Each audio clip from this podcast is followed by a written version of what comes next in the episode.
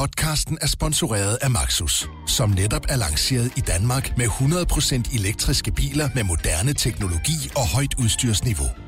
Find din forhandler på maxus-danmark.dk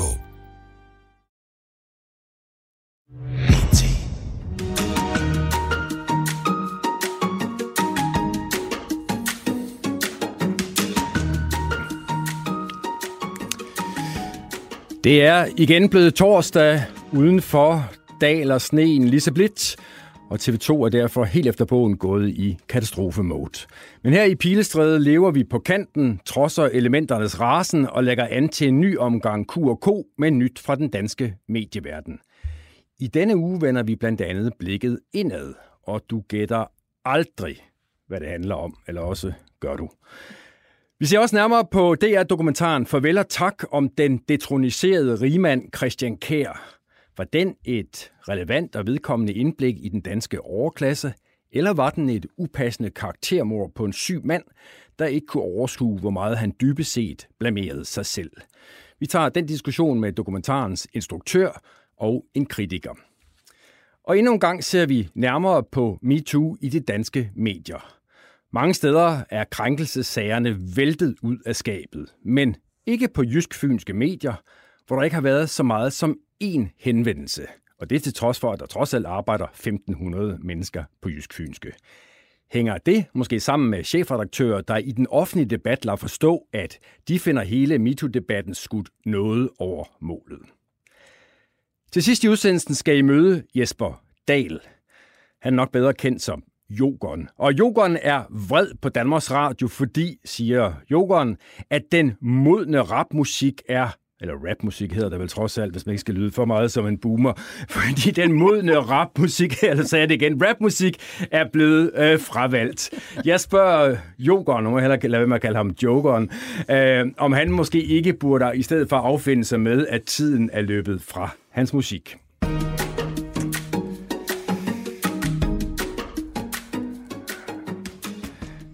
Ja, efter denne ufrivillige afsløring af, at jeg er stærkt på vej op i årene, så er tiden kommet, hvor jeg skal øh, sige velkommen til min øh, gæstemedvært. Øh, det er en fornøjelse at sige goddag til dig, Tine Gøtje. Hej. Hej, og velkommen til. Jeg er glad for, at du vil være med. Jeg skal lige sådan et, et kort uh, CV ned på dig. Du har i mere end 20 år været fast medarbejder på Danmarks Radio, mm. blandt andet som uh, studievært på TV-avisen øh, tror også nok, du har en fortid på Løje, er det ikke rigtigt? Det er fuldstændig rigtigt. Og vist også på Jyllandsposten? Også det. Øh, men det er nok, øh, uden at skulle genere dine tidligere præstationer, det er nok mest fra, fra, fra DR-tiden, at du, du sådan for alvor er, er blevet en kendt figur. Det var også da jeg var længst. Ja, og så er du i dag øh, selvstændig. Ja. Øh, og så er du formand for Kavling-komiteen, og det er i hvert fald sådan noget, som vi øh, journalister går, går rigtig meget op i. Og, og, og lige præcis det der, hvad det, øh, at være medlem af, eller formand lige frem for Kavling-komiteen, hvad det indebærer, det vender vi lidt tilbage til lidt senere i udsendelsen. Men, men jeg kunne egentlig godt tænke mig at høre her i, til en start, Tine, hvad er det, der får en til efter 18 år i Danmarks Radio, og nu vil jeg ud og være mig selv. 22, Henrik. 22, 22 det er rigtigt. Fra 96 til, 96 til 18. 22 år. Jamen, så ja. meget desto mere vil jeg gerne stille et spørgsmål. ja, det var lang tid. Jamen, altså, øhm, det var en svær beslutning, vil jeg sige. Jeg har været, når man er ansat i DR i så mange år, så lyder det jo som om, man har et arbejde i overvig i årtier. Og det er jo ikke helt sådan, det fungerer i et hus som DR, fordi det er så stort, og man kan cykle rundt på mange forskellige ting. Så jeg har det jo som om, at jeg måske havde 10 eller 12 forskellige jobs, mens jeg var der. Men når jeg blev færdig, så var det fordi, at jeg havde lavet TV-avisen på det tidspunkt i næsten 10 år. Og jeg havde sagt god aften og velkommen til TV-avisen omkring 1000 gange. Lidt derover, tror jeg faktisk. Jeg har forsøgt at regne ud præcis, hvor mange. Jeg har ikke overblik over det.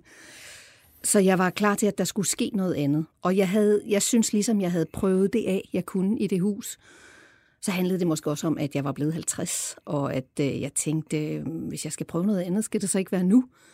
Jeg har egentlig altid sagt til alle dem, jeg kendte, der blev øh, freelancer øh, tidligere i livet, at det var overhovedet ikke noget for mig, det skulle jeg aldrig nogensinde være.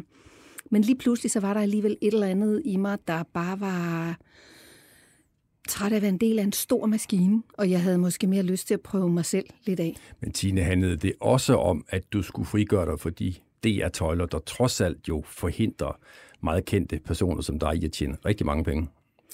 Det har det faktisk aldrig rigtig handlet om for mig, det ved jeg godt, det, det kan man så tænke på og tænke om, hvad man vil. Øhm, det, det, altså, det synes jeg egentlig ikke var det, der drev mig. Det, der drev mig, det var måske mere, altså når vi taler om tøjler, så var det ikke så meget det, der handlede om penge. Det var mere det, der handlede om, at når man er et ansigt på TV-avisen, så er man tøjlet. Mm. Men man er mere tøjlet i, hvad kan man tillade sig at gøre som person? Hvad, nu er det ikke, fordi jeg er nogen meningsmaskine på nogen måde faktisk holder mig en del ude af den slags. Men, men man skal ikke træde ret meget forkert, før det bliver bemærket. Og det synes jeg er snævrere. Altså det synes jeg var, hvis man er tv-avisvært, så skal man helst ikke fylde for meget. Man må ikke stå i vejen for historien. Det er altid indholdet, der er vigtigere end dig selv. Og det skal det også være. Men jeg havde måske egentlig lyst til at sprælle lidt mere som mig selv. Det du lige forklare, fordi selvom du så går hen og bliver selvstændig og får nogle ordstyrejobs og, mm. og alt sådan noget, som man nu får som selvstændig med, med den profil, du har, så er du også stadig en, der tager jobs i Danmarks Radio. Ja. Altså du... Øh, jeg bliver hyret, du bliver hyret på, ind. På, til enkeltopgaver, ja. Er, er det egentlig anderledes med de tøjler, du siger, du har frigjort dig for, når du stadig har en eller anden form for ja, skal vi kalde det afhængighed af Danmarks Radio, alt den stund, at du går ud fra at gerne vil have, at de køber dig ind til de opgaver? Altså man kan sige, at jeg kaster mig jo ikke frådende ud i politiske diskussioner, og det gør jeg stadigvæk ikke, fordi øh, det vil jo på en eller anden måde komme til nemt at stå i vejen for det arbejde, jeg laver som journalist. Men det gør du jo heller ikke, kan man sige. Oh. Måske lidt der mere tror, end mig. Der tror jeg, der var et par stykker derude, der ville der Måske ville mere end mig. Men, men, øh, men jeg kaster mig ikke ud i de der ting, fordi jeg hele tiden gerne vil kunne være altså kunne dække alle mulige forskellige slags historier. Det handlede måske i virkeligheden om flere discipliner, og når man er nyhedsvært, så er man ret fastlåst i, i en bestemt disciplin. Nu kan man se, at Johannes Langkilde, han spræller lige i øjeblikket. Ikke? Skønt at se ham i fællesang. Ja, lige præcis, der, ja. ja. Men det er ellers ret svært faktisk at få lov til. Og det er ret svært at blive, måske, nu siger jeg noget, jeg egentlig ikke har øh, tænkt voldsomt meget igennem, men måske særligt som kvinde, hvis man gerne vil tages alvorligt i sådan en nyhedssammenhæng så er der grænser for, hvor mange gange man kan optræde med Birte Kjær og en disco-kugle. Ikke? Mm-hmm. Og det havde jeg måske egentlig øh, lyst til også at prøve den side af mig selv lidt så mere kunne, kunne en kvindelig Johannes Langkilde, hvis en sådan kan fremmanes, øh, ikke det bliver svært, tror jeg. Øh, slippe afsted med at være vært på fællesang? Altså nu tror jeg, hvis man har Johannes Langkildes kvaliteter, så kan man slippe afsted med det meste. Og hvis man nu for eksempel også kunne spille klaver og synge, så kunne det være, at chancen var lidt større, end den ville have været for mig dengang. Men, ja, men det var og det er ingenting, altså det er ikke noget med, at der er nogen, der, sidder fa- der vil holde mig fast. Det var lige så meget noget, der skete inde i mig selv. At jeg, jeg synes, at hvis man var vært på TV-avisen, så var jeg hele tiden enormt optaget af den der troværdighed, der skal knyttes til det medie. Og det må man ikke stå i vejen for som person. Og jeg havde måske egentlig lyst til at være lidt mere personlig. Men tror du ikke, der er mange journalister, for hvem det at sidde som studievært på den store tv-avis, altså er et drømmejob, at de måske tænker, det er godt nok noget af et skridt at tage. Altså nu har man, må, nu har man nået den post, som jo mange i vores fag vil give deres højre arm for at få, så så siger man bare Men altså prøv lige at høre, jeg synes jo også i rigtig mange år, at det var det bedste job, man kunne få. Men jeg har det også sådan, hvis man skal lave den bedste tv-avis hver dag, så skal man ville give sin højre arm for at få den rigtige gæst, for at få den rigtige historie, for at vinklen ligger rigtigt hver gang. Jeg kunne bare mærke, at den der sult, man skal have, den var måske ved at forlade mig lidt. Mm. Og så synes jeg faktisk ikke, man kan være bekendt at blive siddende. Så synes jeg, at der er nogle andre, der skal have lov at give den gas. Er det et tilfælde, at du slår dine folder, nu hvor du er blevet selvstændig, hyppigere hvis ikke udelukkende på DR og meget sjældent på TV2? Jamen, øh, nu er det jo sådan, at øh, TV2 ikke rigtig har ringet, fordi jeg tror, de synes, der står DR malet hele vejen ud over mig, så det har været et meget enkelt valg at træffe. Men, men, men det, jeg sådan set fisker lidt efter i mit spørgsmål, det er, om du som profil bare mere er en DR-type end en TV2-type? Jamen, det tror jeg måske nok, jeg er. Men det tror jeg jo også er, er blevet et faktum, fordi jeg har været der i så mange år. Så jeg kan jo godt forstå, hvis man sidder som TV2-chef og tænker, nu skal vi have en eller anden øh, til at lave det her, så tænker man ikke først på hende, der sender DR1 ud til, i hovedet på alle seere hele tiden. Så jeg tænker, det er et meget logisk corporate valg af TV2. Vi skal snakke lidt mere om DR1 øh, lige om lidt.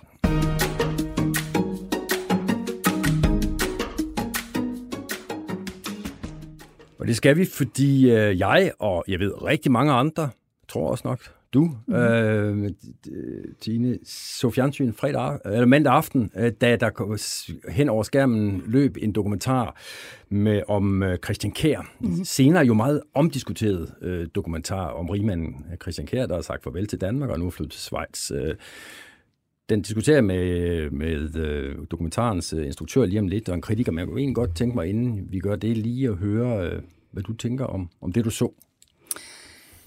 Jamen, altså, jeg var fascineret på mange måder, og det tror jeg, jeg tror, der er rigtig mange af os, der har sådan en eller anden nyfinhed, vil gerne vide, hvad, hvad gemmer der sig inde bag ved Sandbjerggårds mure. Øhm, altså, i virkeligheden, så synes jeg, at det jo er kæmpe dramatisk stof. når en mand, der har været haft så mange prestigefyldte titler, øh, er født ind i det liv, han er født ind i, har spillet den rolle i Danmark, som han har, ser sig selv stribet for alt det, som har defineret ham. Det er jo et kæmpe drama. Godt fjernsyn. Det er bare en god historie, Henrik. Det er en god det er jo, det er jo sådan noget stof, øh, Hollywood-film eller store romaner er gjort af. Havde det hele, mistet alt. Det kan noget, det der, ikke? som fortælling. Jeg er lidt mere i tvivl om, om jeg synes, den fortælling lykkedes. Ved du hvad, det synes jeg, vi skal prøve at snakke øh, om bagefter, når vi nu har hørt øh, debatten her mellem øh, instruktøren bag dokumentaren. Han hedder Ulrik E. E. Gud Nielsen, og øh, med i studiet var også Lars Trier Mogensen, politisk kommentator, der bestemt heller ikke var begejstret for øh, den dokumentar. Jeg indledte med at spørge Ulrik Nielsen om, hvad det egentlig var, eller hvad han egentlig synes, vi skal bruge den dokumentar til, som han altså har instrueret. Vi skal øh, se et menneske, som har så mange mennesker tror, de kender, men som faktisk de færreste ved egentlig, hvem er. Hvor rigtig mange mennesker har en mening om ham, og mange har læst om ham, ligesom jeg har.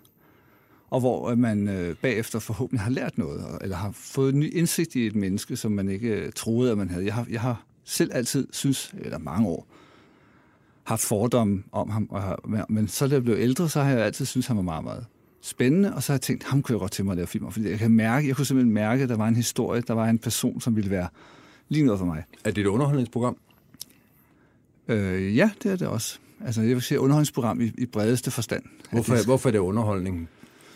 Hmm, han har jo øh, i mange år været en del af jetsættet og været i ugebladene og været øh, kendt. Og øh, jeg synes, at jeg har altid øh, prøvet i mine dokumentarfilm at være jeg vil ikke sige altid underholdende, men det må godt være underfundigt og morsomt, og det skal ikke kun være tragisk og, og så gribende og spændende og sådan noget. Jeg synes tit, at hvis ikke jeg selv lægger noget latter ind eller noget sjovt ind i filmen, så sidder folk måske og griner af noget, der ikke er sjovt. Der er omkring 800.000 danskere, der har været inde og, og set den her. En af de 800.000 danskere, det, det er dig, Lars Trier Mogensen. Ja, ja. Øh, du så den også. Øh, hvad er din sådan umiddelbare dom over dokumentaren? Jamen, jeg blev virkelig grebet af den her dokumentar, for sjældent har jeg set sådan et selvkaraktermord, hvor en person, der ellers ligesom har færdes i det øverste lag, folk vil sige magtfuld i hvert fald, og, og rig, udlevere sig selv, blot sig selv og ydmyge sig selv. Og jeg synes, at han tydeligvis ligesom var sådan lidt motorisk udfordret, og han virkede altså i en balance mellem i nogle scener måske at virke lidt småskør, i andre næsten at virke påvirket, næsten beruset, og jeg begyndte at sidde og tænke over, det er næsten for godt til at være sandt, at det lykkedes at komme ind som fluen på vægget og lave et portræt af en så prominent skikkelse, der på en eller anden måde udstiller sin egen opløsning, og hvor jeg begyndte at tænke, er der et eller andet galt? Og så godt inde i dokumentaren, ja, der kommer klude lige pludselig, der falder femøren. Fordi der bliver Christian Kær så diagnostiseret med Parkinson.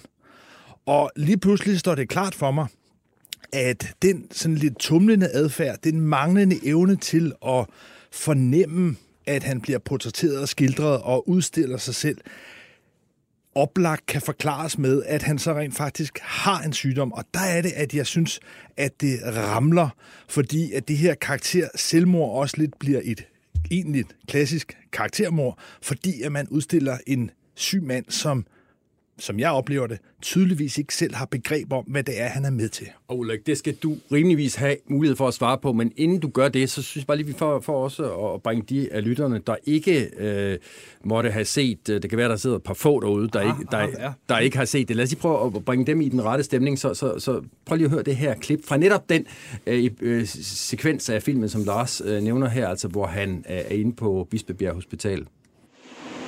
Ud derude. Jeg må jo ikke udtale mig om billederne, men, øh, men du har i hvert fald en hjerne derinde, kan man jo sige, og det er jo rart at vide, at der er noget. ja, ja, det er godt for dig. Det var godt. Tak, tak for din, hvor jeg så sød. Jamen, det var da så lidt. Hvis nu jeg kan gøre noget for dig en dag, så... så har du mit visitkort her. tak for det. Det vil jeg tænke på. Det, det, det, må bare være, det, det ved man aldrig. Man ved jo aldrig, hvornår man får brug for en nej, advokat. Nej, nej, nej. Det er bare et råd. Et råd, det er rigtigt. Tusind tak for det. Ulrik, øh, det er jo en syg mand, vi har at gøre med her. Har Ja, du, har, ja. Hvilke overvejelser har du gjort dig i, i den anledning?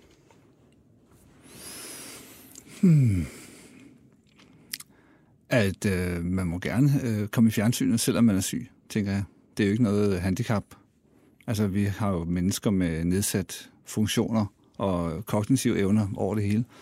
Øh, også som der ikke selv er klar over det. Men man kunne måske sige, at det, at man har en, en ledelse, som jo, jo sætter sig netop på, på, på, på de kognitive evner, måske også nedsætter ens evne til at vurdere, om man står sig ved at være en del af sådan en dokumentar, som gik hen over scenen forleden aften og set det næsten øh, ja, snart en million danskere. Ja, nej, det tror jeg slet ikke. Altså, jeg har jo, øh, altså, jeg er jo ikke læge, og, øh, men min far har Parkinson, og det har han haft i 25 år. Og øh, jeg har også lavet en film om ham, og jeg har været i tæt kontakt med Parkinson-eksperter øh, i den periode, og jeg kender også øh, hans øh, neurolog ret godt. Og vi øh, diskuterede det også med, med vores redaktør. Vi diskuterede det med indbyrdes i redaktionen, hvad vi skulle gøre med det. Men hvis jeg må sige sådan, at fra starten, altså for længe, længe siden, der, altså, der vi lavede filmen, det har jo været for nogle år siden, før han overhovedet havde det her. Han har også en, en, en uheldig dom for en, øh, for, for en, for trafik, en trafiksag, som han øh, eventuelt ikke helt øh, er enig med, med i, men han accepterer selvfølgelig. Øh, der, øh, der var det bare, at jeg tænkte, den her mand vil jeg rigtig gerne lave film om. Så spurgte jeg, altså jeg prøvede ligesom at komme ind på ham, og så fik jeg jo selvfølgelig afslag, ligesom alle andre gør.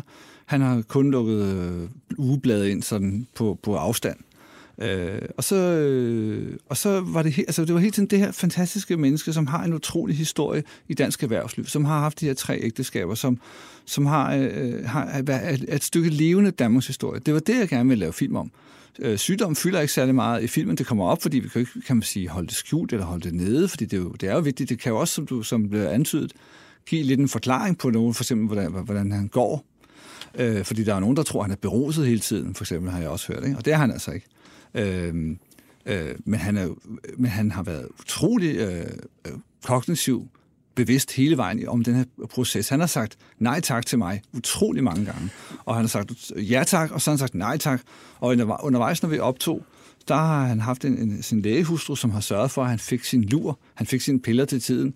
Men øh, vi har været i forhandlinger om, om alle mulige vilkår for den her produktion. Vi har diskuteret øh, hvordan, alle, alle mulige detaljer om hans øh, medvirken, og, og, og jeg ved, at han lige har, øh, nu er han i Schweiz og har set den igen, og jeg har talt med ham, og han er meget begejstret for filmen, og han får mange øh, opkald fra venner og bekendte, som synes, at det er, det er rart, at den rigtige Christian bliver portrætteret. Og jeg, jeg oplever overhovedet ikke en kognitivt hæmmet person i, på nogen måde. Og Lars Trier, har du egentlig ikke et, et, et, et lille forklaringsproblem der, fordi altså, hovedpersonen selv er glad.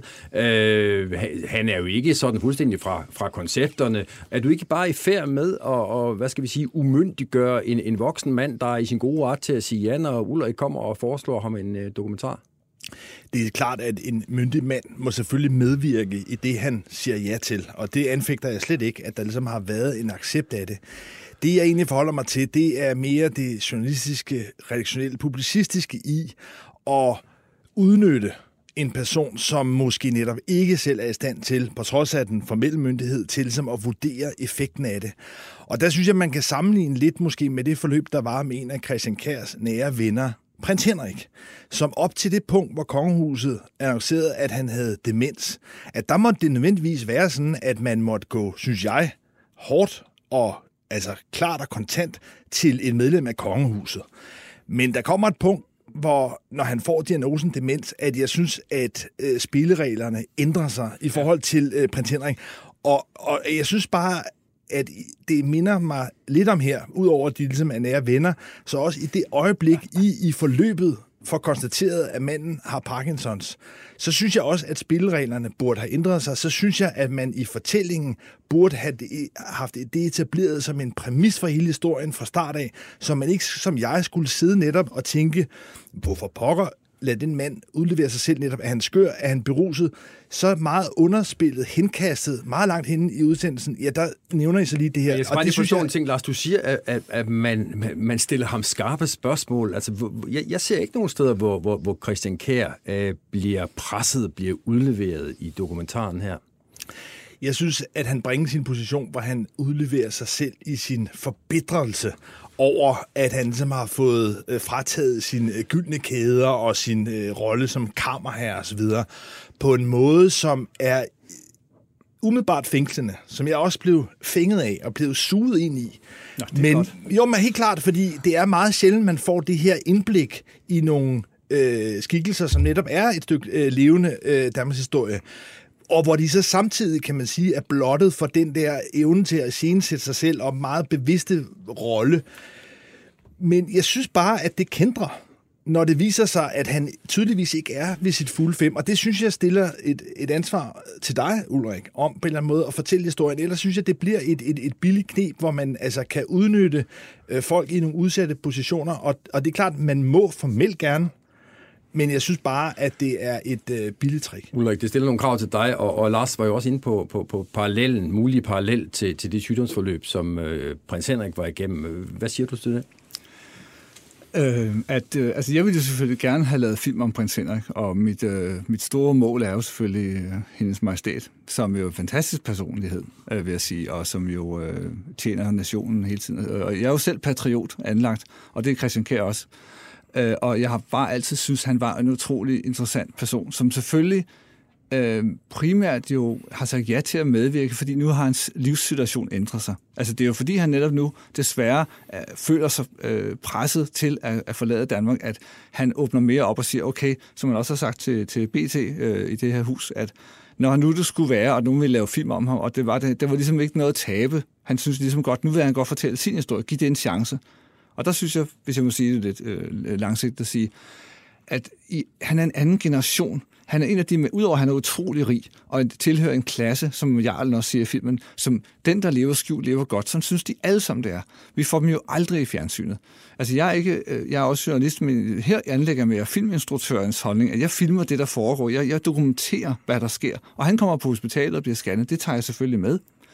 Og så betragter jeg det som øh, hvad kan man sige, at, at han er mere en, han, han er simpelthen aldrig blevet filmet før. Han aner ikke, hvilken vej han skal vende til kameraet. Hvis, det, det, det, det kan godt blive lidt fagsnak, men hvis man kan forestille sig et menneske, som kommer ud af, af, af, af, af fra et koma i mange, mange år, han ved ikke, at, at hvis jeg siger til ham, at han skal gentage et svar, og sådan noget, så, så gør han det ikke rigtigt. Han er, altså, han er helt uvant med at blive optaget til film, og det er jo også en, en charme, synes jeg. Og det gør også, at han kan virke lidt forvirret og kognitivt udfordret. Men det handler faktisk mere om, at han er en gammel mand, og at han ikke er vant til at komme i fjernsynet. Nu, nu så vi den der scene før, eller undskyld, så ikke, hørte. Natur- Vi så det for os, jo. Vi kunne vi så det for os, det. naturligvis. Øh, øh, men, men, men så kan jeg så lige øh, fortælle de af lytterne, der ikke så det, at, at- at der, da øh, Christian Kjær bliver kørt ud af scanneren, der, der er der sådan en close-up af hans øh, fine sko. Ja. Og det er sådan nogle øh, Louis Vuitton øh, som jeg gætter på koster øh, 5-6.000 kroner eller sådan noget. Øh, det, det kan godt være, det, det, det, det er et indlysende spørgsmål. Stiller, jeg det alligevel. Hvad, hvad er det, vi skal se der? Han har råd til sko. Altså, man skal jo ikke gå i for små sko. Altså, hvad skal jeg sige? Ja. Øh, hvad, hvad- du, du, Nej, men det, der bare slog mig, det var den der... Altså, det, det, øh, de nøgne, det nøgne Bispebjerg Ja. Hospital møder øh, Ja, den ja. totale overklasse. Det er fuldstændig rigtigt. Og man kan sige, øh, nu kommer det også frem i filmen, at hans far var læge på Bispebjerg Hospital, så det betød rigtig meget for ham, at det var der, han skulle ind og blive indlagt. Og det der med, at der hele tiden er en kontekst, det med, at han kender nogen på Bispebjerg Hospital, fordi han har, hans far var, var der engang. Det betyder utrolig meget, for det der, det som jeg synes, mange mennesker er øh, historieløse, det er han overhovedet ikke. Der er hele tiden kontekst i tingene.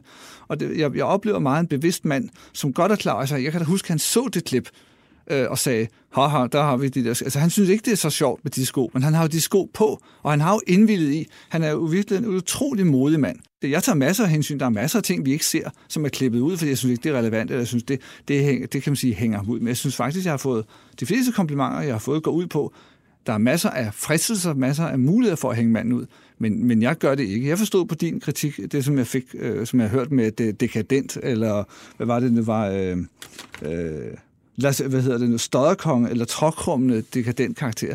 Jeg synes jo netop, når manden, det, skal, det skrev du på Facebook, Lars. ja, når manden øh, stiller op til et program, så synes jeg egentlig, hvorfor skal han have sådan nogle ord i ansigtet? Han, ham, der ikke kan forsvare sig, fordi han er ikke på Facebook. Er det ikke også egentlig uetisk? Folk kan skrive alt muligt om ham, til ham som jeg ved ikke, om du vil sige til ham. Vil du sige til ham, du er en dekadent støderkonge. Altså, det vil, tror jeg ikke, du havde lyst til. Men det er jo et meget godt spørgsmål, Lars, ikke? Fordi, fordi det her, står, der, her har Ulrik lavet en, en, en film, som han siger er jo nænsom over for hovedpersonen. Folk øh, synes, han er fra, faktisk fremstår som en, en sympatisk mand. Og så er der dig og, og med dig øh, og andre sådan behørigt bekymrede på de sociale medier, der siger, at det er forfærdeligt, og han er dekadent og alt muligt. Øh, jeg synes faktisk, Ulrik stiller et meget godt spørgsmål. Er det, er det virkelig ikke dig, der, der, der krænker Christian Kjær mere, end det er filmen?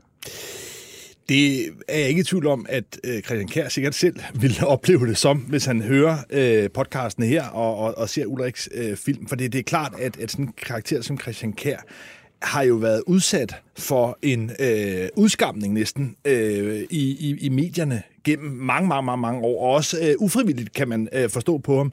Jo, det er det typisk, når man bliver udskammet. Men altså også ja. været, været ufrivilligt øh, i fokus.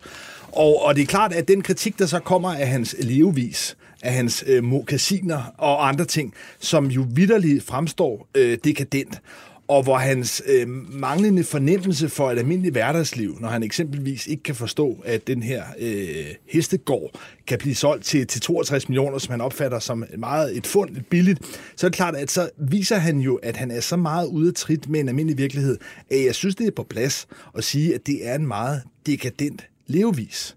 Og jeg synes også, at hans... Oh, men det er jo noget andet at sige, at han har en dekadent levevis. Jo, men jeg siger bare, at ja. jeg sidder tilbage, og det er det, der ligesom var afsættet for mig, at når jeg ser den skildring, så opfatter jeg det som et portræt af en mand, der er i opløsning, i et fald fra tinderne. Ja og at han dermed udstiller en dekadence, en drøm om et liv i sus og dus, og en anerkendelse, som man ikke længere har.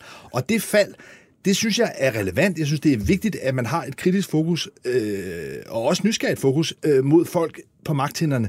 Det, der bare er min pointe, og der, hvor jeg har sat flag, det er, at jeg synes, man skal være ekstremt varsom over for at udnytte folk i sårbare situationer. Det er uanset om det er folk med altså, psykiske problemer, folk, der er påvirket af stoffer, eller i det her tilfælde folk, der har Parkinson, det kunne også være andre øh, sygdomme som ikke er i stand til helt at forstå, hvordan de bliver brugt, hvordan de bliver portrætteret. Og det skal du lige have lov at svare på. Ja, det var en lang en. Parkinson er jo ikke demens. Det er meget vigtigt at skælne, fordi som jeg også sagde Men det kan, det kan være demens, ikke? Demens kommer langsomt til folk, der har Parkinson. Min far er begyndt at udvikle demens ret kraftigt, men det har taget så de der 20 år. Og Christian Kjær har jo været diagnostiseret med Parkinson i nogle år, og det er slet ikke kommet dertil. Men hør her, jeg, jeg har øh, op til vores interview her talt med øh, en person, der kender Christian Kjær rigtig godt. Og han siger, hør her, altså der er ikke nogen tvivl om, at Christian Kjær er, udtrykket var, lidt uden for pladen. Altså og antyder dermed, at øh, den kører ikke helt så hurtigt, som den har gjort. Det er klart, han er 77.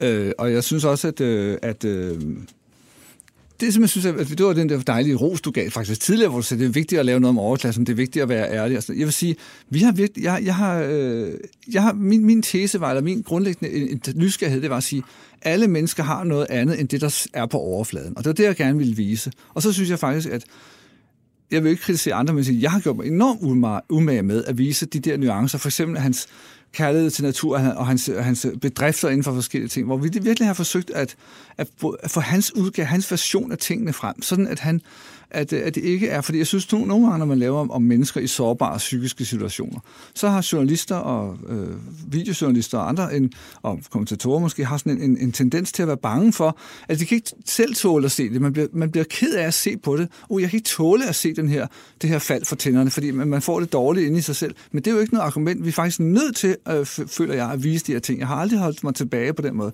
Det er rigtigt nok, jeg, jeg opfatter mere, at hvis man skal sige noget, som man, hvor, man, hvor man kan tage hensyn til ham, så er det mere det der netop med, at han har aldrig blevet været i fjernsyn. Han ved ikke, hvad fjernsynet går ud på. Han, altså for, mig, for det der med at sige, at han skulle være helt med på præmisserne, det vil aldrig kunne lade sig gøre, fordi han, jeg tror aldrig, jeg tror ikke, han har været biografen i 40 år, øh, eller set fjernsyn i mange, mange, mange år. Kun sport og, og nyheder og sådan noget. Jeg vil godt lige her til sidst øh, spille øh, afslutningen på, på dokumentaren, så, så, så, fordi jeg vil godt lige både bede lytterne om at lægge mærke til, hvad der sker her, men også lige høre fra dig, Ulrik, hvad, hvad dine tanker er bag det her. Christian Kær er klar til at tage afsked med Danmark. Men vil inden afrejsen også gerne sige farvel til sin far og mor, som ligger på Mariebjerg Kirkegård i Gentofte. Se, der er det jo. Kan du gå ind og lægge den her? På gravstedet, lige ved siden af, ligger hans svoger, den folkekære skuespiller og sanger Paul Bundgaard.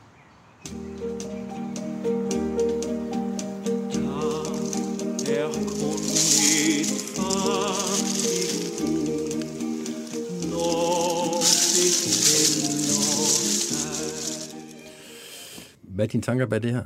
Det er, at øh, han er jo på sin vis har været i familie med Paul Bungård, en af Danmarks historiens største skuespillere. Og at øh, han, det, den melodi betyder meget for ham. Det har vi, vi har hørt den tidligere i filmen. Henrik Krogsgaard spille den for ham. Og fordi øh, den sangen handler faktisk om en, en mand, der siger tak til sin livsledsager for at være der i tygt og tyndt. Tine, da du hørte Paul Bundgaard tone frem her, der, der fornemmede jeg sådan et træt blik hos dig. Øh, var, var det for corny, eller hvad? Ja, ved du hvad, jeg siger, det var lige præcis det ord, jeg sad og ledte efter. Det, var, det, altså, det er lige præcis der, hvor jeg synes, det blev corny. Fordi den kan jo sagtens have betydet noget for Christian Kær, og det, må, det anerkender jeg. Men det, jeg, altså for mig sender den sang bare Måske det fordi, jeg kommer fra sådan en rimelig sarkastisk familie, så den er altid blevet spillet som sådan noget, når det virkelig skulle være tygt og drive ned ad væggene, og man skulle sige tak, så spillede man den. Altså, det, det blev simpelthen for tygt for mig. Men... Jeg synes faktisk, de diskussioner, de har her i dit indslag, jeg synes, det er super relevant diskussion, det der med, kan man være... Altså, hvilket ansvar har man over for en mand, der måske ikke helt kan overskue, hvad det er, han har kastet sig ud i ved at sige ja til den her dokumentar? Det skal man altid tænke over. Da jeg så den, der var jeg en lille smule mere optaget af, at at jeg synes, den var sådan lidt rodet fortalt. Jeg synes, han siger nogle af de samme ting flere gange, og sådan, det er som om, det har været lidt tilfældigt. Og nu hvor jeg har hørt interviewet, så tænker jeg, instruktøren har været fascineret af personen Christian Kjær. Men, og, og, og det er jo fuldstændig relevant, og det kan man være, og han har, altså, han har jo også en fantastisk historie. Jeg synes jo, det er, det er det, han går igennem lige nu, der er det interessant. Det er jo et kæmpe drama. Altså det for en mand, der har haft den position, han har, det var også det, jeg sagde i starten, der er det jo en kæmpe historie. Jeg kommer til at tænke på, jeg blev sendt tilbage til en dokumentar, jeg så som barn, som var øh, med substralkongen i sin tid. Øh, Hans Schmidt, tror jeg, han hed. Jeg har ikke været ret gammel, da jeg så den tonserig mand, der boede på et eller andet kæmpe slot, også i noget svejtsagtigt. Jeg kan ikke engang huske, hvor det var. Kæmpe rigt. Det gjorde giga indtryk på mig. Men det var også sådan lidt noget om Hans Schmidt, at se her er et rigt menneske det synes jeg også lidt, den her film bliver, og det synes jeg er ærgerligt, for jeg synes, historien er større. Men Tine, du er jo tv-menneske blandt mange andre ting, og du kender jo også godt vigtigheden af at kunne fascinere. Mm-hmm. Og der er altså øh, 800.000, der hænger på, hvad der er meget godt til en dokumentar. Altså, er det, det er super godt gået. Jo, jo, men altså, man kan sige, det er jo altid dejligt at have mange seere, men derfor kan man jo godt øh, have nogle krav til, at, øh, at substansen også er i orden. Og jeg synes faktisk i virkeligheden, at der er mere substans i den her historie, end det, der egentlig kommer frem i filmen. Og det synes jeg bare er lidt ærgerligt.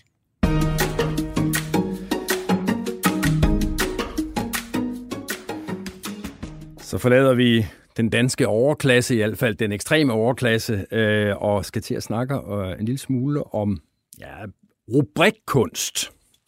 Og det er noget, vi øh, gør os en del i her på, øh, på, på bladet, på BT. Øh, der er dem, der er sikkert, hvis det er spørgsmålstegn, ved, om det er kunst, men, men, men, men rubrikker er det i hvert fald, og nogle af dem er også meget fyndige. Jeg vil lige prøve et par stykker af på dig, Tine. Ja. Hvad siger du til tv-ekspert går amok for åben mikrofon? Hvad er der sket her? Øhm, tv-ekspert går amok for åben mikrofon. Altså, sagen er jo den, at jeg lader mig tit friste af dem her, og kan derfor konstatere, at der nok ikke sket ret. Fordi jeg ved, hvad der nogle gange gemmer sig om bagved. Og man sidder og tænker, ej, det klikkede jeg bare ikke på det der, fordi jeg vidste jo godt, der ikke var noget. Der er formentlig en, der har sagt, det der straffekast eller et eller andet, det var helt urimeligt dømt. Ja, altså jeg ved ikke, om vi skal afsløre, fordi nu har jeg fået, øh, nu har jeg fået øh, besøg af i studiet af Søren Hanghøj, sportschef på Nærværende Dagblad, sportschef ja. på BT. Velkommen til, Søren. Tak for TV-ekspert går amok for åben mikrofon. Hvad skete der? Ja, jamen øh, en tv-kommentator, tror jeg faktisk, det var, der gik... Øh... Daniel Ortved ja, fra TV3. Daniel Ortved fra TV3, ja. ja, der gik... Øh nu siger jeg amok. Bananas tror jeg også, der er nogen, der har sagt over et, et mål i en Superliga-kamp her, her, her, her, her forleden dag. Ja, ja. Det var også et virkelig, virkelig, virkelig godt mål. Det var, Randers, det var Randers, der havde... Ja, det var nemlig Randers. Og var det Randers? Det, var det. det er min klub jo. Ja. Så forstår jeg det godt. Men, sådan okay. Så giver det mening. Men må jeg ikke bare lige spørge Hanghøj, at det er vel ikke første gang i verdenshistorien, at øh, en, en fodboldspiller har lavet et godt mål, og der er en tv-kommentator, der siger, at det var et godt mål. Nej, det er det da. Er det en historie? Ja, det er det. Altså nu, øh, når, man har, når vi har klippet, og det har vi jo, vi har en aftale, en samarbejdsaftale med TV3, hvor, øh, hvor Dan Nordved, han, øh, han arbejder, så vi kan vise klippet, øh, og vi vil jo gerne vise målet, og så kan vi jo lige så godt, så vinkler vi jo ind på, øh, ja, på den her ekstase, som vi kan kalde det, som, øh, som tv-kommentatoren han gik igennem. Så det var sådan lidt øh, historien bag den. Søren Højlund, du er med på en telefon over for Aarhus, øh, og du er pressechef i øh, min barndomsbys store fodboldklub AGF. Øh, ja, hvad og tænk... goddag. Ja, hej, og goddag, Søren. Øh, Randers har scoret et flot mål. Øh, TV-ekspert går amok, skriver Søren Hanghøjs folk øh, på vores forside. Hvad, hvad tænker du om det? Jamen, jeg er jo altid ærger mig, når, når Randers scorer. Øh, men bortset fra det, så synes jeg, det, så, sy- så synes jeg, at det taler, det taler ind i den her tendens, der er til at øh, give øh, værdiord mindre og mindre mening. Øh, alt er mok i øjeblikket. Alt er raseri. Der er ingen relativitet mere. Niveauerne er borte, og vi står bare, vi står bare alle sammen og råber til hinanden, og jeg synes, det er helt hen i vejret at bruge det ord om en tv-kommentator, som er glad for et mål. Jeg kan give et andet eksempel fra den samme aften, hvor vi spiller i Vejle, øh, og der ser man så en rubrik på forsiden af BT, hvor der står tv-serier, kolon, hvad sker der? Og da mit hold er involveret i den kamp, øh, klikker jeg på den, og så viser det sig, at det er en person på Twitter, der har skrevet, hvad er der med den bane i Vejle?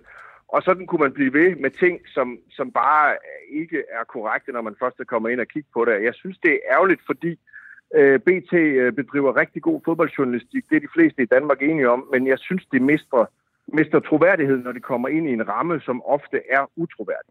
Jeg kunne også tænke mig at spørge dig, Søren øh, Hanghøj. Altså, hvad nu, hvis den gode øh, kommentator Daniel Ortved der vidderligt var gået amok? Hvad nu, hvis han havde råbt og skrejet og sagt, at nu forlader jeg mit job, og det her jeg vil ikke finde mig i, og det er det mest, altså virkelig var gået amok. Så har du også været nødt til at skrive TV-ekspert går amok for åben mikrofon. Det jeg dybest set vil frem til, det er, devaluerer du ikke de stærke ord, når du bruger dem i flæng? Det er der da helt klart en risiko for. Selvfølgelig er der det. Øh, og, og, og det... Øh, og, og, og til dels vil jeg jo gerne give Søren ret i, at, at, at det er jo, vi står der lidt og, og råber til hinanden, og vi bruger jo de her ord, de her meget lade ord i, øh, i flæng, det gør vi. Øh, og Amok er et af dem, vi bruger utrolig meget, raseri bruger vi, bruger vi også meget, øh, og, og, og, og det gør vi jo også, øh, altså jeg synes jo her i det her tilfælde, er det jo svært at finde ud af, jamen hvad er, hvis vi skal skrive den her historie, hvad er egentlig så det rigtige ord? Øh, Daniel Nordveds Måske skal, egen, måske skal den slet ikke skrives? Nej, måske. Altså, Dan Nordveds egen øh, arbejdsplads kalder det bananas, som jo egentlig bare er et, et andet ord for, for amok. Øh, så altså, jeg synes jo, den er interessant. Øh, altså, Men, folk, vi, vi, vi, vi vil gerne have folk ind for at se T- det her mål, selvfølgelig. Jamen, jeg får bare lyst til at spørge, hvad er det, hvad er det interessante her? Er det kommentatoren, eller er det målet? Det er kombinationen. Altså, det, det, det flotte det visuelle, målet, altså, vildt, det flotte visuelle er selvfølgelig målet, men så er det jo sjovt, det, så er det jo sjovt, så er det jo sjovt at høre kommentatoren også. Øh, og altså, vi kunne lige så godt have vinklet ind på målet, selvfølgelig kunne vi lige så godt det. Øh, men, men det, det har vi så ikke gjort i den her omgang. Det gør, så, vi, det gør vi nogle gange. Søren Højlund, du, du har på, på Twitter øh, fremført argumentet om, at du, du har efterhånden, skriver du, lært at, at, at, at gennemskue BT, men, men, men du frygter på BT's vegne for, at øh, når, når folk i øvrigt begynder at gennemskue det, så, øh, så kan det være lidt problematisk for det, der er Søren som ens arbejdsplads. Jamen, det er jo fordi, at vi oplever som sagt, at BT har, har masser af god fodboldjournalistik, men jeg oplever også, at øh, fans øh, og mange af BT's øh, tidligere brugere, de vælger det fra, fordi de bryder sig ikke om den her indpakning, der er her i. Altså, de bryder sig ikke om, om jeg så må sige, hvordan de gode gaver er pakket ind, fordi det efterlader dem en fornemmelse af, at, øh, at det produkt, som de klikker på, det er bare utroværdigt, selvom historien kan være godt så god. Jeg kan give et andet eksempel på et udmærket interview, en af, en af Sørens øh, medarbejdere lavede i sidste uge med vores cheftræner David Nielsen. På forsiden af BTDK bliver det øh, præsenteret med rubrikken Forlod ham på stribe kolon, nu taler David Nielsen. Og indeni kan man så se en overskrift, hvor der står David Nielsen nedtoner profilflugt i AGF kolon. Det er overvurderet hvor den sidste er rimelig dækkende, og den, den anden får man en fornemmelse af, at øh, der er 24 kroner, der har forladt min, min cheftrænerkollega David Nielsen, og nu sidder han og græder ud til, til BT. Og det er sådan nogle ting her, der er, der er rigtig ærgerligt, synes jeg, fordi det er jo god journalistik, men, men det bliver bare pakket ind på sådan en lidt uh, træls måde, som vi siger herover. Okay, men lad os høre, høre dig, Søren. Altså, for eksempel, nu, nu nævner uh, Højlund over i Aarhus uh, den her rubrik, forlod om David Nielsen, forlod ham på stribe, mm. nu taler David Nielsen. Vælg ærligt, hånden på hjertet. Ja. Er, er det fordi, I satser på, at folk skal tænke, at det er alle hans kvinder, der har forladt ham på stribe? Oh, altså, for det første, det, jeg, jeg sidder ikke og laver rubrikkerne ude på forsiderne. Det er, det er der andre dygtige mennesker, der gør. Uh, så vi sidder og laver rubrikkerne ind på artikelsiden, og så giver vi den ligesom videre. Uh, men laver også tit forside bud, som det jo så fint hedder.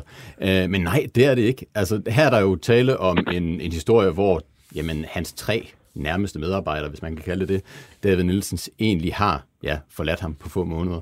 Øhm, men det finder man så ud af, når man læser artiklen, ja, ikke? Ja, det gør man. Det, gør det, man. det, der jo er Højlunds pointe, er, at man føler sig jo ganske meget ført bag lyset, når man så kommer ind og læser artiklen, fordi man troede, det var noget med 20 kvinder. Jamen, gør man det? Altså, det er ikke, altså vi, vi gør jo også det, at, at vi, øh, at vi altså, vi farvelægger, hvis man kan sige det på den måde, de forskellige, øh, de forskellige temaer, eller hvad det nu er, så, så blot er sport, og det ved jeg ikke, hvor mange mennesker, der ved, men øh, når der er noget blot på forsiden af BTDK, så er det sport, øh, når der er noget lysrødt, så er det underholdning, og så videre, og så videre, og så videre. Øh, og det ved jeg ikke, om folk har lært endnu, øh, men det er i hvert fald et forsøg på, Jamen ikke at Okay, men bare, bare så forstår det. Hvis det så havde været historien om, at David Nielsens mange kvinder der, og så videre, ja, så havde, så havde den, den haft en anden farve, eller hvad? Øh, nej, det havde den, det, nej, det havde den ikke. Så er spørgsmålet, om det var kommet over til underholdning. Det havde den sikkert heller ikke, nej. Øh, nej, det havde den ikke. Altså, så har jeg jo lyst til at sige, så havde den jo heddet noget andet. Øh, jeg synes jo, den her, øh, den her rubrik er, er, ret, er ret dækkende. Jeg tror, det er første gang, der er blevet talt med David Nielsen om, at hans chef er stoppet, hans to assistenttræner også er stoppet. Øh, så alle dem, som han arbejder aller tættest sammen med, øh, er stoppet. Og så er det rigtigt nok, at i historien, der nedtoner han det jo, hvis man kan sige det på den måde. Men jeg synes jo heller ikke, vi skriver noget andet på forsiden. Men Højlund, du er jo også journalist, øh, og, og altså, kan man ikke også blive mere heldig end paven? Altså, du ved jo også godt, at, at vi lever af, at folk gider klik på artiklerne. Altså, sådan må det være, ikke? Jo, jo, jo, jo, det, det ved jeg også godt, men der er også forskel på at lave en god overskrift, eller en god rubrik, eller en pløk, som det vist hed i gamle dage, øh, når man skulle ind og købe formiddagsaviserne inde, inde ved tankstationen, øh, og så besluttede sig for, om man skulle have BT eller Ekstrabladet. Og så til nu, hvor, hvor jeg synes, det fordrejer det, øh, og, det, og det giver sådan en lidt, øh, det giver sådan en lidt underlig, øh, utroværdig indpakning, som også kan give nogle problemer for, for vores dagligdag. Lad mig give et, et konkret eksempel. Hvis, hvis jeg står med en af mine øh, spillere eller en af mine kollegaer og forelægger ham et ønske fra øh, Søren, Sørens redaktioner ved et interview, eller, eller med en, en fra et andet medie, som spilleren måske kender, fordi journalisten dækker vores træninger ofte også dækker vores kampe, og så spilleren skal vælge mellem, hvor vil han blive interviewet, så vil han til enhver tid vælge det medie, der ikke benytter sig af den her fremlægsmetode, nemlig clickbait, fordi den pågældende kilde ikke bryder sig om at blive pakket ind i noget, som han ikke kan genkende. Så på den måde giver det os også nogle benspænd i dagligdagen ude i virkeligheden. Øh, den her måde at, ligesom at sælge øh, artiklerne på, for jeg ved da godt, hvad mekanismerne er der. Jeg er vaccineret imod det, men der er mange kilder, som føler sig skal vi sige, utrygge ved at blive pakket ind i den her måde. Okay, lad mig så sende den videre til dig, Hang. Ja. Altså det, som Højlund jo her siger, er, at det kan være, der er klik i det, men du besværligt gør altså arbejdet med de kilder, der dybest set er fundamentet for, at du kan blive ved med at lave god fodboldjournalistik. Ja, og det ved jeg godt er en, en teori, der, der lever derude. Det er bare ikke rigtig noget, vi mærker særlig meget til. Uh, jeg ved godt, Søren... Men det er jo ikke en teori, Søren. Det er jo sådan, det er. Det er jo spillere, der kommer hen til mig, når de ser en overskrift. Hvad var det der for noget? Det var da ikke det, jeg sagde ja til osv. Så, videre. så det er men, ikke en teori, det er en virkelighed. Men så må jeg spørge dig, om det også kan have noget at gøre med den måde, du gør dit arbejde på? Jamen, mit arbejde, det er at præsentere Fordi... de henvendelser, vi får. Om det så er for BT eller, eller JP. Jeg kan jo ikke i mit arbejde tage hensyn til, at de har en anden forretningsmodel end Jyllandsposten. Hvis jeres forretningsmodel var naked news, og spillerne derfor skulle stille nøgne op, så ville jeg jo heller ikke anbefale stillerne nødvendigvis at gøre det, selvom de her i Aarhus er fysiske pragteksemplarer eller hvis Kvartrup lige nu bad mig lave englehop, mens han interviewede mig til det her program, så ville, kan det også være, at jeg sagde nej, fordi den forretningsmodel kan jeg heller ikke se mig selv i. Så det er et spørgsmål om, at I bygger et univers, som kilderne er lidt utrygge i, fordi de kan ikke være sikre på, hvordan de bliver fremstillet. Jeg skal bare lige forstå, hvorfor stiller du det spørgsmål til Højlund over i Aarhus? Øh, jamen, fordi altså, Søren han skriver de her ting på, på Twitter, og, jeg hos, øh, og, og, og han har jo tydeligvis en holdning til det her, som han jo formentlig videregiver øh, til de spillere og den træner, som han jo rådgiver i forhold til det her. Øh, og i min optik, der er en stor del af Sørens rolle er jo selvfølgelig at, at få, få skabt medieforståelse hos, hos de spillere og trænere, han har hos sig, og forstå, hvad det er, et, et, et medie som BT er, og hvad det er, vi kommer med. Øh, og også de, jamen de, hvad kan man sige, plus og minuser, der hører med. Altså, vi er et, et, et, et kæmpestort medie, der er ud til utrolig mange mennesker, og som jeg også har, har sagt til Søren, så, så er nogle af de her rubrikker, det er jo forskellen på, om, om historier om AGF, de bliver læst af 25.000 mennesker, eller af 125.000 mennesker, som for eksempel den her David Nielsen-historie var, var, var ved at blive læst af. Og selvfølgelig kan man ikke skrive hvad som helst. Det skal jo stadigvæk være dækkende øh, i de her rubrikker, og det synes jeg jo også den, som vi, som vi talte om før, før var. Øh, men jeg synes jo bare, at det er ærgerligt, hvis, hvis Søren går ind som, som sådan en eller anden form for, øh, for gatekeeper imellem os og, og spillertruppen, fordi vi, vi oplever, det er meget, meget sjældent, vi oplever, at kilder ikke har lyst til at tale med os, som jeg næsten kan forstå, det, det der Søren er, er på vej hen. Tine Gøtje, du markerede. Jamen, det er jo bare fordi, du, du taler om det der med, om det, forskellen er, om det er 25.000 eller 125.000, mm. der læser det. Det han siger er jo, at i længden er det uholdbart. Altså at i længden, hvis man hele tiden bliver vendet til, at hver gang man klikker på historien om, hvor mange der har forladt David Nielsen, og tror, man får en saftig historie og ikke får det, Ja. så holder man op. Jamen, det ved jeg godt, man kunne tro, men altså, vi er... Altså, Og så, det- du tænker bare, så længe det folk bliver ved med at klikke, så er det lige meget, om det er rigtigt eller forkert. Nej, det, og det var også det, jeg prøvede at, at forklare lige før, at det er det jo selvfølgelig ikke. Det skal altid være dækkende. Og det er også det, jeg siger, det, det oplever jeg jo også, at de her rubrikker er. Men hvorfor er det altid sådan noget med forlod, noget med, det er altid sådan en lille, en lille sladderside, i hvert fald er det den nyfinhed, der bliver vækket hos en. Ja, men det, det, er det, der, altså, det er det jo for eksempel i det her, i det her tilfælde. Altså ordet forlod er jo ikke, det er jo ikke forkert, hvis man kan sige det på den måde. Det er jo faktisk helt rigtigt og dækkende, synes jeg i hvert fald i den her sag. Og så er det da rigtigt, at det vækker da. Det vækker der nogle Det følelser. ikke- og, det trækker ikke fra hos jer. og, Nej, det selvfølgelig gør men, det da ikke men, det. men Tine, nu blandede du dig selv i debatten, så nu får du lige et spørgsmål Ja, den anden vej. det, ja. Altså, øh, du, du, du repræsenterer Danmarks Radio, der får 3,9 milliarder hældt ned i, øh, i lommen. Ej, jeg repræsenterer altså ikke Ej, men Danmarks du Radio. optræder ofte på Danmarks Radio. Jeg har ikke været ansat i to og et halvt år. Du, du, du optræder på Danmarks Radio Det har været korrekt. ansat der i 22 Ja. år.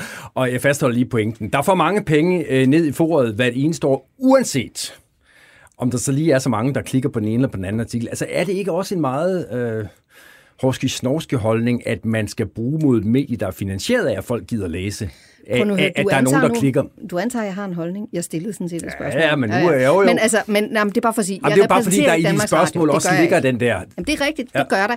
Men det er jo fordi, at jeg i virkeligheden, og også som læser, som helt almindelig læser, oplever, at jeg føler mig snydt mm. nogle gange. Ikke? Altså, jeg klikker på ting og tænker, det lyder eddermame interessant, og jeg er nødt til at sige, jeg er heller ikke for god til engang mellem at klikke på noget, jeg tror har en lille antydning af noget spændende saftesladder. Så tænker jeg bare, at den der skuffelse, den, altså det, det er det, jeg stiller spørgsmålstegn ved.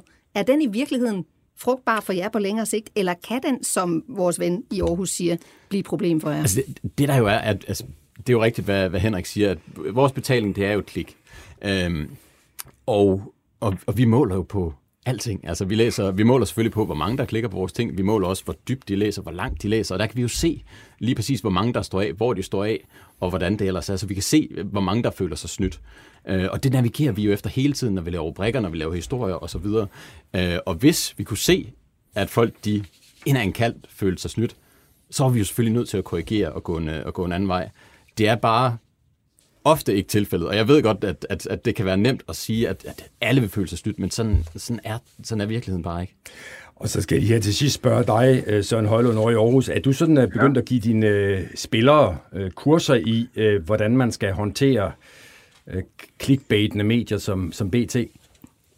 Nej, og det er jo ikke sådan, at som, som Søren vil fremstille at jeg kommer med den her holdning, jeg nu giver udtryk for. Jeg er en ganske formidlelig formidler af de henvendelser, der kommer, også fra BT, og som Søren udmærket ved, så deltager vi gerne i BT. Men problemet er netop, at jeg så skal forholde mig til, at spillerne bagefter er blevet lidt ked af det, eller blevet lidt, lidt utrygge ved det. Og, og jeg gør jo, hvad jeg kan for at fortælle, men jeg synes heller ikke, at det er helt fair at sige, fordi vi har flere medier end et andet medie, så skal I være hos os, og så skal vi leve med den forretningsmodel, vi nu engang har valgt, når den har nogle problemer, når den har nogle udfordringer, som vi har debatteret her. Det blev de sidste ord, som man plejer at sige, i denne debat. Tak til dig, Søren Højlund, øh, preschef i øh, Ja, tak. AGF. Også tak til min kollega Søren Hanghøj, øh, pre, øh, ikke pressechef, dog sportschef her på, på BT, og du bliver bare siddende, øh, Tine Gøtje.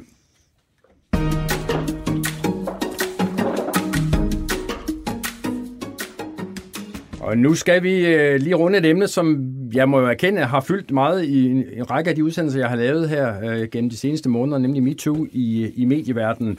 Øh, på mange danske medier har det jo været sådan, at øh, der har været sådan en, en, en linje, hvor man kunne øh, melde sig, hvis man havde noget at berette om, og på flere medier herunder også, hvor vi sidder her i, det Ber- i Berlingske, der er der journalister, der har meldt noget, om noget, de har oplevet. Men et medie, øh, adskiller sig fra øh, de fleste andre, nemlig Jysk Fynske, hvor der ikke har været så meget som en eneste indberetning.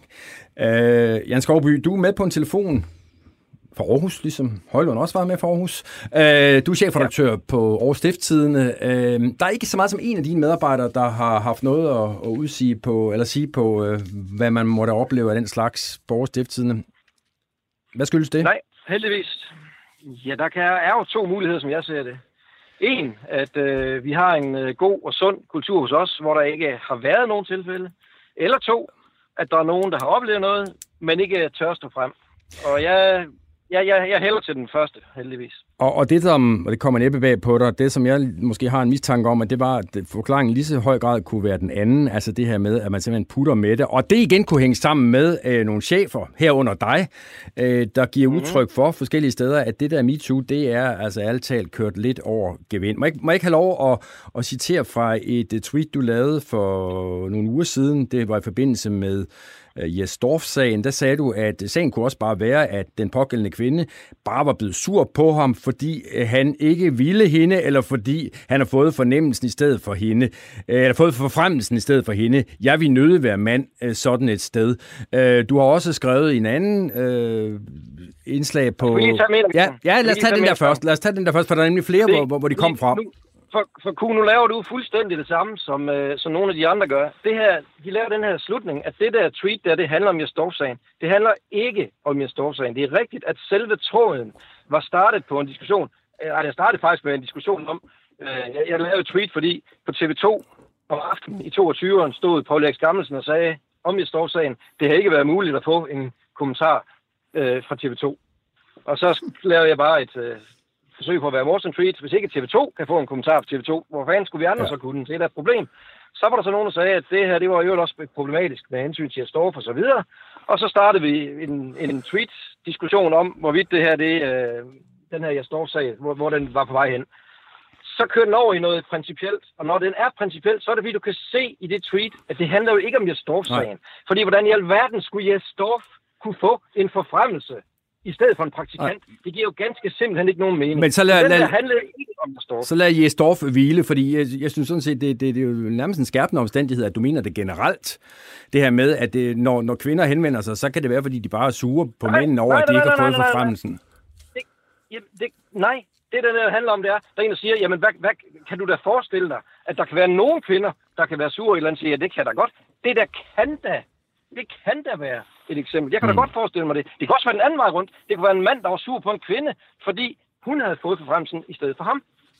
Skovby, du har også skrevet et andet sted, at øh, målet må aldrig blive en arbejdspladskultur, øh, hvor, hvor, hvor ingen med garanti øh, kunne blive krænket. Den slags, skriver du, vil være dræbende for arbejdsglæden. Mener du stadig det? Jamen, det gør jeg, men jeg mener derhen, at målet er jo ikke, jeg kan jo ikke vide, altså ligesom du heller ikke kan vide, du kan jo formentlig også godt øh, komme til at krænke nogen, kunne jeg forestille mig, om din stil. Så kan man jo ikke vide, om man kommer til at krænke nogen på et eller andet tidspunkt. Det, det er jo fuldstændig muligt at vide. Derfor, jeg, det er også derfor, jeg løber mig at sige, jeg kan ikke vide, om det er fordi, der ikke er nogen, der er krænket på stiftstiden, eller om det er fordi, vi har en god kultur. Men jeg kan jo ikke vide, om jeg krænker nogen. Det, det handler om, det er, at du har så god en kultur, at skulle det ske, hvad vi selvfølgelig ikke håber, men skulle det ske, at der er nogen, der bliver krænket, så er kulturen så god, at der er en, der kan sige, helt ærligt, der krænker du mig, gider du godt at være med det. Eksempelvis, så findes der jo mennesker, som er øh, fysiske i deres øh, måde at være på, så de lægger måske lige hånden på skulderen af dig, mens, øh, når de siger noget til dig. Det er der nogen, der ikke vil bryde sig om, fordi de tænker godt nok, det er den der fysiske kontakt, den kan jeg ikke lide. Så skal man have så god en kultur, at det er muligt for en at sige, øh, gider du ikke godt lade være med at røre ved mig? Og så hvor til manden skal sige, jo, eller kvinden, hvem du er, der gør det. Naturligvis skal jeg ikke stå og, og gøre det, hvis du ikke bryder dig om det. Det må du undskylde. Vil du ikke nok sige til mig, når hvis jeg nu kommer til at gøre det igen? Men, men, men det, det, der jo selvfølgelig er, er, er mistanken her, den kan være berettiget eller uberettiget, øh, det er, at, når der ikke er en eneste af de mange medarbejdere på Jysk Fynske Medier, hvor, hvor, hvor til øh, Årstiftelsen jo hører, så, så kunne det være fordi, at, at de mandlige chefer ligesom har sendt de signaler, det kan være, at de så har ja. misforstået de signaler, men, men, men signaler, der i hvert fald ja. kan forstås øh, på baggrund af, på en bestemt måde, på baggrund af, af blandt andet nogle af de ting, jeg lige har læst op men det er jo, det er jo rigtigt. Altså det, og den, det kan jeg jo ikke vide, om der er.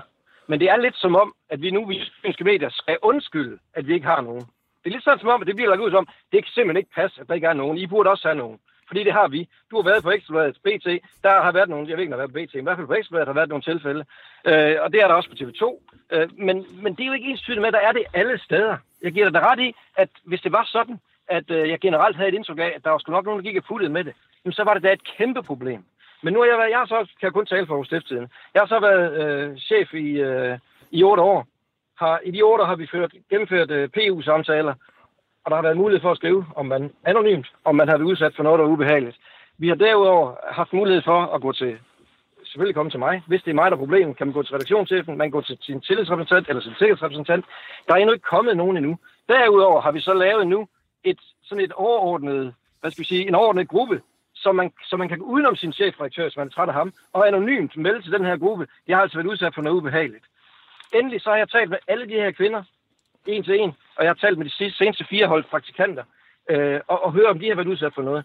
Der er ikke nogen, der siger, at de har været det. Og det er da rigtigt. Du kan da godt tænke dig til, at det er fordi, jeg på Twitter har prøvet at føre en principiel diskussion om, at, øh, at øh, hvor er det her på vej hen. Så tør de ikke komme frem.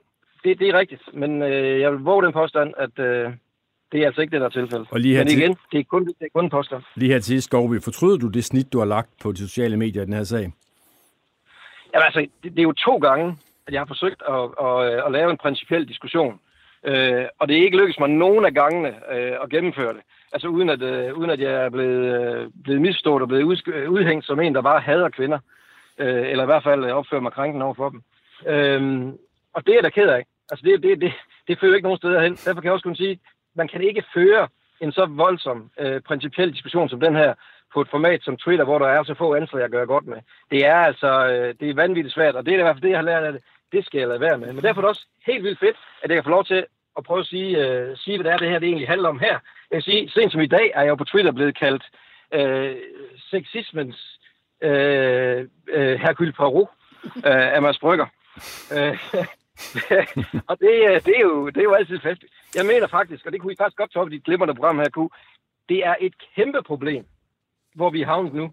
At vi står i to lejre og råber hinanden, i stedet for at prøve at diskutere de her ting. Jeg er klar over, at sådan nogle gamle, øh, hvide runkedorer og mænd som mig, det kan ikke blive værre, vel? Hvid, halvtyk, øh, mediechef, øh. Det, det, det er forfærdeligt. Jeg er det værste. Jeg er prototypen på det værste, man kan, man kan tænke sig til lige pt.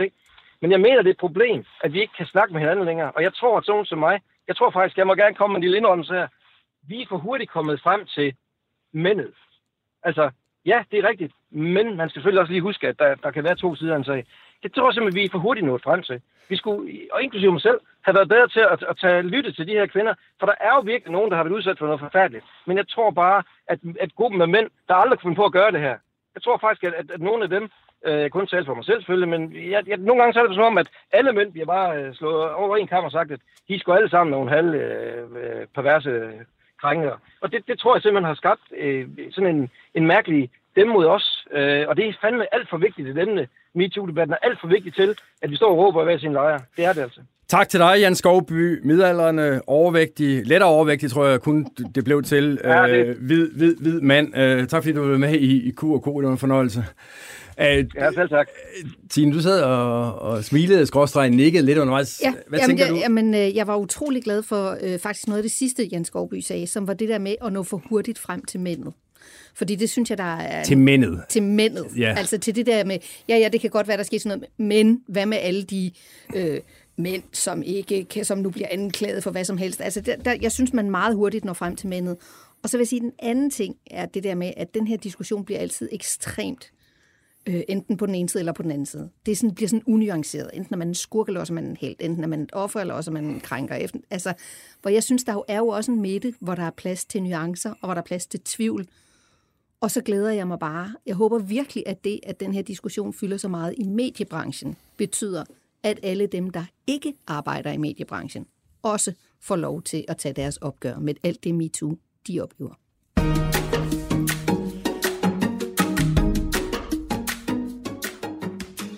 Jeg forudskikkede øh, i min introduktion til programmet, at vi også lige skulle runde øh, det andet øh, værv, du, du har, udover at være øh, mangearmet journalist, øh, ikke mindst på Danmarks Radio, så er du også, øh, Tine Götzsche, formand for Kavling-komiteen. Prøv lige ja. at forklare os, hvad, hvad, hvad, hvad indebærer det? Jamen, Kavling-komiteen, det er jo en øh, gruppe, der består af fem mennesker, som er udpeget af Dansk Journalistforbund, som har det meget ærefulde hver, hvert år at uddele Kavlingprisen. Det er det, det består i. Kavlingprisen, som jo er dansk journalistiks fornemmeste pris. Ja. Ja, og, og der må man vel sige, altså i, i, i sådan i øvrigt en, en, en verden, hvor der er, jeg ved ikke hvor mange forskellige priser, nu lige ved tv-festivaler, hvor man kaster om mm. sig med priser, der har, har Kavling jo formået at fastholde den der position som noget helt eksklusivt.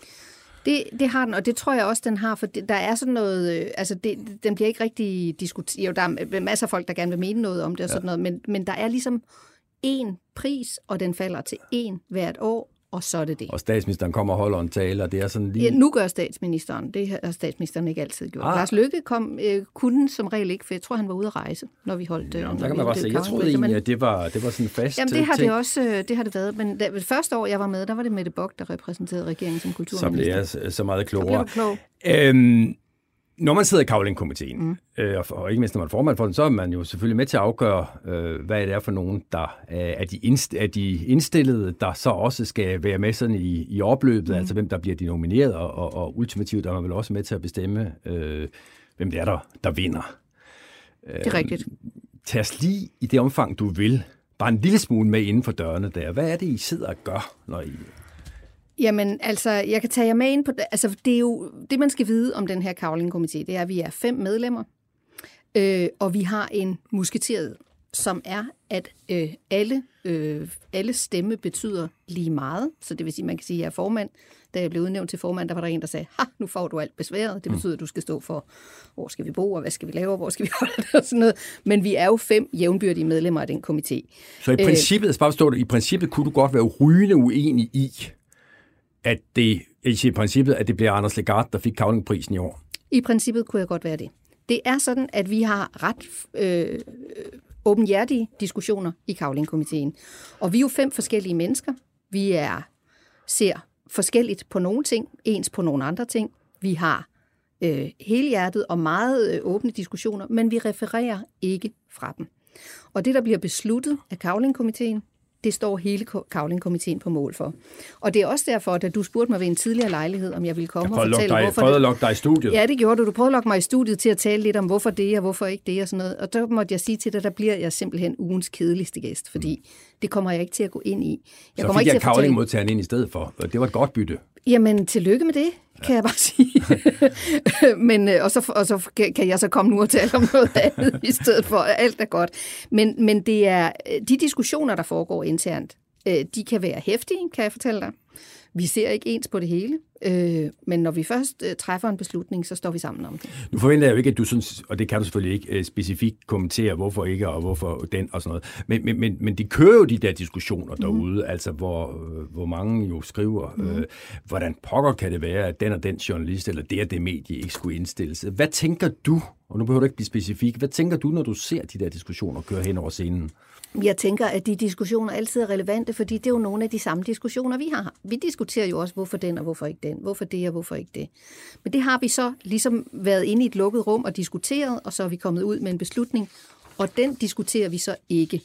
Så man kan sige, at de eneste, der ikke kommer til at deltage i diskussionen ude i det åbne rum om, hvorfor det ene og ikke det andet, det er os. Så skal jeg nok lade dig slippe for Tak. yderligere tiltale, hvad kavling angår, fordi jeg kan godt vurdere, at der kommer jeg ikke længere.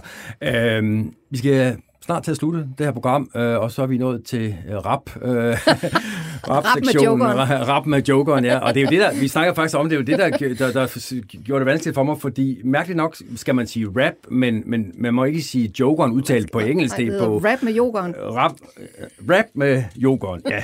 Nå, hvorom alting er, øh, så, så øh, er det jo fordi, at øh, Jesper Dahl, som han hedder, har besværet sig over, at øh, der ikke er så meget plads på Danmarks Radio til øh, den form for musik, han ligesom har, har gjort berømt, nemlig rap, og nu sagde jeg det vist rigtigt. Mm. Øh, hvad tænker du om sådan nogle diskussioner, Tine?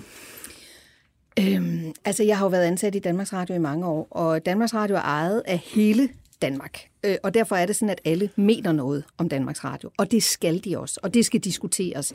Jeg har simpelthen ikke forstand... Altså, vi er helt ude i den absolut yderste periferi af noget, jeg ved noget om, når vi kommer ind på, hvordan rapmusik er placeret i musiksendefladen på DR. Det ved jeg virkelig ikke noget om. Men jeg ved bare... Du sværger heller ikke selv til rap, fornemmer jeg, men jeg kan tage nej, fejl. nej, det er rigtigt. Det er rigtigt. Det er jeg nødt til at sige, det gør jeg ikke. I denne sluttede kreds kan jeg sige, at det gør jeg ikke. Men, øh, men jeg kan dog godt blive begejstret af det, vil jeg sige. Men, øh, men, men det er ligesom et vilkår, at alle mener noget om det er, og det skal alle gøre. Så jeg synes i virkeligheden, uden at gå ind i, hvad der er rigtigt og forkert i det her Jesper Dahl ligesom forholder sig til, så er det jo et bevis på, at det er stadigvæk betyder noget, at der er nogen, der gider at diskutere det. Og det, som i virkeligheden er øh, Jogons, øh, Jesper Dahls øh, anlæggende, det er det her med, at den musik, han repræsenterer, øh, er på en eller anden måde, siger han, faldet ned mellem to stole i Danmarks Radio. Hvad han mere præcis mener med det, det kan man høre her, fordi jeg interviewede nemlig Jesper Dahl i går. Det er min helt klare opfattelse, at øh, for en 4-5 år siden, der, øh, der gik det op for Danmarks Radio, at øh, lytterne øh, på P3 og P4 var sådan en 10-15 år ældre, end, øh, end hvad de ville, den målgruppe, det var sådan rettet mod. Mm. Og så skulle de lave det manøvre og flytte den, og så flyttede de P3 og mistede halvdelen af deres lyttere, og så tror jeg bare, at de øh, tænkte, uha, det gør vi sgu ikke med P4, som er Danmarks største radio. Øh, især af den grund, at, at skal man sige, selvom det er Danmarks radio, så er det, bliver det stadig kørt på samme vilkår som resten af samfundet, altså på kommersielle vilkår. Men Jesper, må jeg så ikke bare forstå, hvad er det for en generation, og hvad er det for en musik, man i dag ikke, som du ser det, kan finde på, øh, på Danmarks Radios øh, jo efterhånden ganske mange kanaler? Altså i, for, i forhold til, at det, det, lige præcis det, jeg heller ikke ved. Fordi at, at øh, radioen skal jo netop være en kulturformidler af et bredt udsnit af forskellige kulturer. Mm. Og hvad hedder det, jeg har også været super velsignet og, og blevet kørt frem på første paket af selv samme Lars Stillingsgaard, og nu skal jeg takke lov for det. Det har gjort mit liv meget federe på den hver tænkelige måde.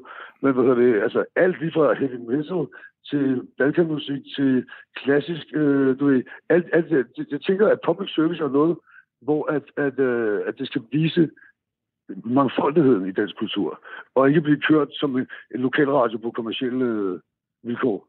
Hvad vil du sige til dem, der måtte mene, at nu er du bare øh, blevet lidt indebrændt over, at du ikke er så populær, som du var engang? Så jeg siger, at det er muligvis det bedste, der er sket for mig. Det, det, det er ikke på egne vegne, øh, at jeg siger det her. Det, men alligevel er det også, fordi det er mere som lytter end som artist. Fordi jeg, jeg savner også at blive guidet mm. kulturelt. Øh, der er ikke nogen mennesker, der kan overskue og sidde og sætte sig ind i alt øh, musik og kultur i Danmark og, og grave det frem af, af krone. Og det er jo lige præcis det, vi har public service til. Til ligesom, at der er nogen, der ligesom formidler et meget, meget bredt og mangfoldigt udsnit af musik og kultur. Og, dansk, især dansk kultur til os, os danskere. Og nu spørger jeg lige igen, og jeg ved godt, øh, du, du muligvis har svaret på det, men jeg beder dig lige om at, at, at prøve at konkretisere, hvad er det præcis for en musik, du mener i dag ikke øh, spilles på Danmarks Radio, fordi der simpelthen ikke er en kanal, der passer altså, til det? Det, jeg er også inde på i min kronik, det er jo, at, at øh, vi har haft øh, ret meget øh, de sidste hvad, 10, 15, 20 år en højdrejning af dansk politik, og det vil også sige, at befolkningen og, og til slut her, der få, nej, undskyld, der lykkedes sig som statsminister, der havde, der havde højrefløjen jo brug for øh, de stemmer fra Dansk Folkeparti, og der var det måske mindre vigtigt for dem, hvad der skete i dansk kulturliv i virkeligheden. Og det, det, altså, det er min, min opfattelse, og det kan være så fejl, det er, at de ligesom, også budgetmæssigt, fik gennemtrukket, at der ikke ligesom blev råd til, det vil sige, sort musik i gode øjne, ikke? Mm. Altså hiphop, øh, alle de, vores ungdoms vemodige sange med house og dubstep og trance, og, altså det blev ligesom skåret lidt fra, for det er min generationsmusik. Vi går stadig i, øh, i træningsbukser, og vi vokser op med hiphop, og det bliver lidt opfattet stadigvæk, i hvert fald på P4, som vil være det naturlige sted at gå hen, som en ungdomsstil. Øh, og, og der er også der er sådan lidt kulturfascisme over det. Ikke kultur, undskyld, hvad er det, en uh, ungdomsfascisme. Altså hvor at, at, uh, at det nye skal komme fra de unge, hvor i virkeligheden så vil jeg sige, det vil være super mærkeligt, hvis ikke at mig og alle mine andre jævnaldrende kunstnere og musikere, som har dedikeret hele deres liv til at gøre det her, stoppet med musik lige pludselig. Mm. Det er jo kun været midt i 40'erne. Så, så, så det du siger er, at, at, at jeres i gåseøjne problem er, at den musik, øh, I står for, er I simpelthen for, i nogens øjne, for gamle til stede at, at holde af? Det er helt klart mit indtryk, men altså, hvis du laver ny rap, selvfølgelig spiller P4 også spændt op til lige og LOC og Nieren og Spækmuseet der, øh, men, for, men de ting, som har været dit, de, de breaker ikke nye ting. Og det gør så, at man så skal spørge sig hver eneste gang, man går ud for en dør, hvorfor man stopper med at lave musik, selvom man ikke er det, og man godt kan lide det. Og det er jo så bare mit og de andres personlige ting. Men jeg spørger også som, at man selv, som lytter af radioen, og public service i det hele taget, øhm, hvor er den musik, som jeg er vokset op med, min, min generations musik, hvor, hvor kan jeg høre den henne? Og du har ikke fået noget svar på det? Der er ikke nogen. Det tror jeg svaret er, at det ikke findes. Og hvad skal der gøres ved det? Hvis du, var, hvis du havde kunne bestemme over Danmarks Radio, hvad skulle du så gøres ved det?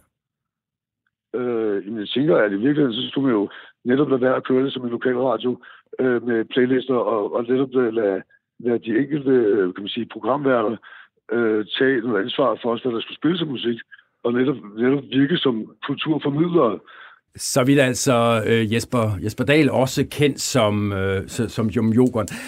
Vi er, Tine Götze, nået til, til vejs ende. Det har yes. været en fornøjelse at have dig med. I lige måde. Det var dejligt at være her. De er snart fem kvarter, der er gået. Øhm, og så skal vi lige runde. Der er vist et eller andet med, at du øh, er bogaktuel i ja. næste uge. Jamen, det er fuldstændig rigtigt. Det er fuldstændig rigtigt. Det er jo et helt, øh, helt nyt kapitel, kan man sige. Ja, jeg har simpelthen skrevet en bog sammen med min kæreste. Om?